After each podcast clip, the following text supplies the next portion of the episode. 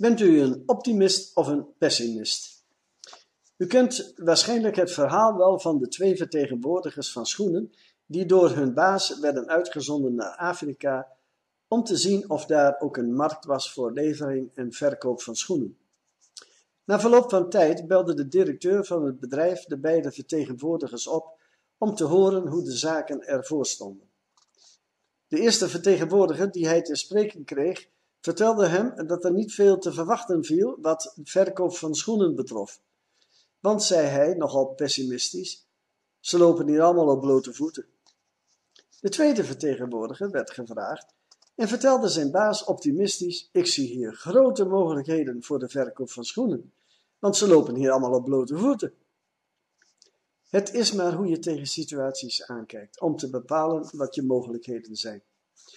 Een optimist ziet de mogelijkheden in de problemen en een pessimist ziet problemen in de geboden mogelijkheden. De een ziet de mogelijkheden, de ander de problemen. Wat de optimist voor heeft boven de pessimist is geloof. Geloof dat God bij machten is te doen ver boven alles wat wij bidden of denken. Overeenkomstig de kracht die in ons werkzaam is. Staat in Efeze 3, vers 20. De apostel Paulus was een optimist die mogelijkheden in de problemen zag. Hij schrijft aan de gelovigen te Korinthe het volgende. Maar ik zal in Efeze blijven tot Pinksteren. Want een grote en krachtige deur is mij geopend en er zijn veel tegenstanders. 1 Korinthe 16, vers 8. Veel tegenstanders.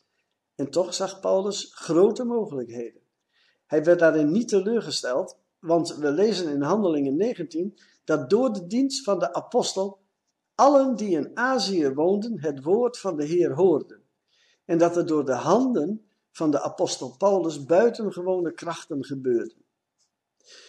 Een voorbeeld van pessimisme vinden we bij de genezing van de mens die 38 jaar lang ziek was geweest en wachtte op genezing bij de vijver van Bethesda in Jeruzalem. Toen de Heer Jezus bij hem kwam en vroeg: Wilt u gezond worden? antwoordde hij niet ja of nee, maar wees de Heer onmiddellijk op de moeilijkheden door te zeggen: Ik heb geen mens om mij in de vijver te werpen. Want hij moest in de vijver geraken om gezond te worden. Zijn pessimisme was ook wel te verklaren. Want als je 38 jaar lang ziek ligt en je ziet dat keer op keer anderen je voorgaan in het water en er gezond uitkomen, dan kunnen we voor zijn pessimisme wel begrip opbrengen. Maar in zijn pessimisme hield hij geen rekening mee dat het onmogelijke werkelijkheid zou kunnen worden. Namelijk dat hij gezond zou kunnen worden. Niets is destructiever dan de gedachte en houding dat er niets kan veranderen in omstandigheden, wat die ook mogen zijn, naar onze gedachten. En dat kan verlammend werken. Dat noemen we apathie. Dat kan apathie in de hand werken. Apathie is een gebrek aan emotie, een gebrek aan motivatie of een gebrek aan enthousiasme. Dat veel voorkomt, ook bij gelovigen. En dat komt omdat men geen rekening houdt met God. God kan en heeft veel hopeloze gevallen veranderd. Hij heeft gevallen mensen weer opgericht. Hij heeft zondaars vergeven en een nieuw leven gegeven.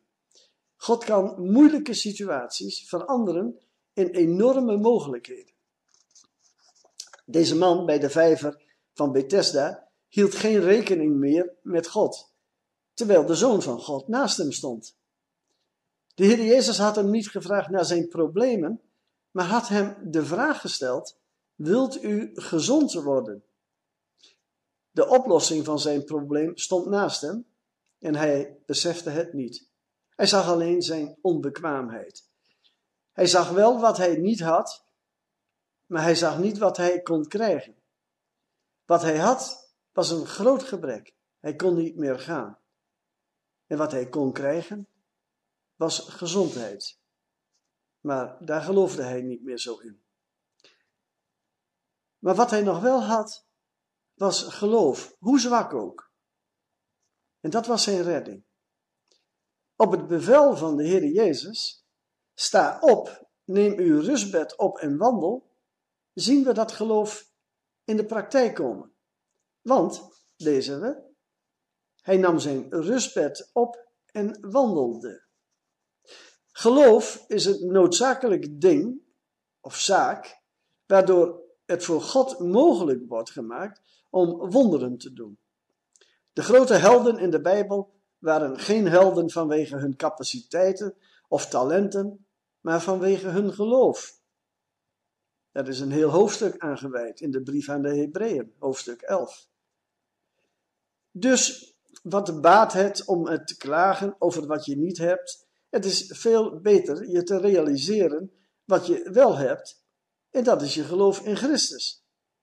En dat geloof laat God toe wonderen te doen, ook in jouw leven. Door geloof werd de knecht van de hoofdman in Capernaum gezond. Door geloof werden twee blinden weer ziende. Door geloof werd het dochtertje van de Canaanese vrouw gezond. U geschiedde naar uw geloof. Leest u maar eens. Matthäus 9, vers 29, Matthäus 8, vers 13 en Matthäus 15, vers 28. U geschiedde naar uw geloof. Dat gold toen, dat geldt ook nu nog. Ook voor u, ook voor mij. De man bij de vijver te Bethesda gehoorzaamde de Heer Jezus. Hij stond op en wandelde. Hij die 38 jaar ziek had gelegen, handelde naar zijn geloof. Hij gehoorzaamde op grond van geloof, waardoor God hem God kon werken en hem genezen. Hij had kunnen zeggen: Ik kan niet opstaan, ik kan niet wandelen. Maar geloof zegt nooit, nooit. Want geloof weet dat bij God alle dingen mogelijk zijn.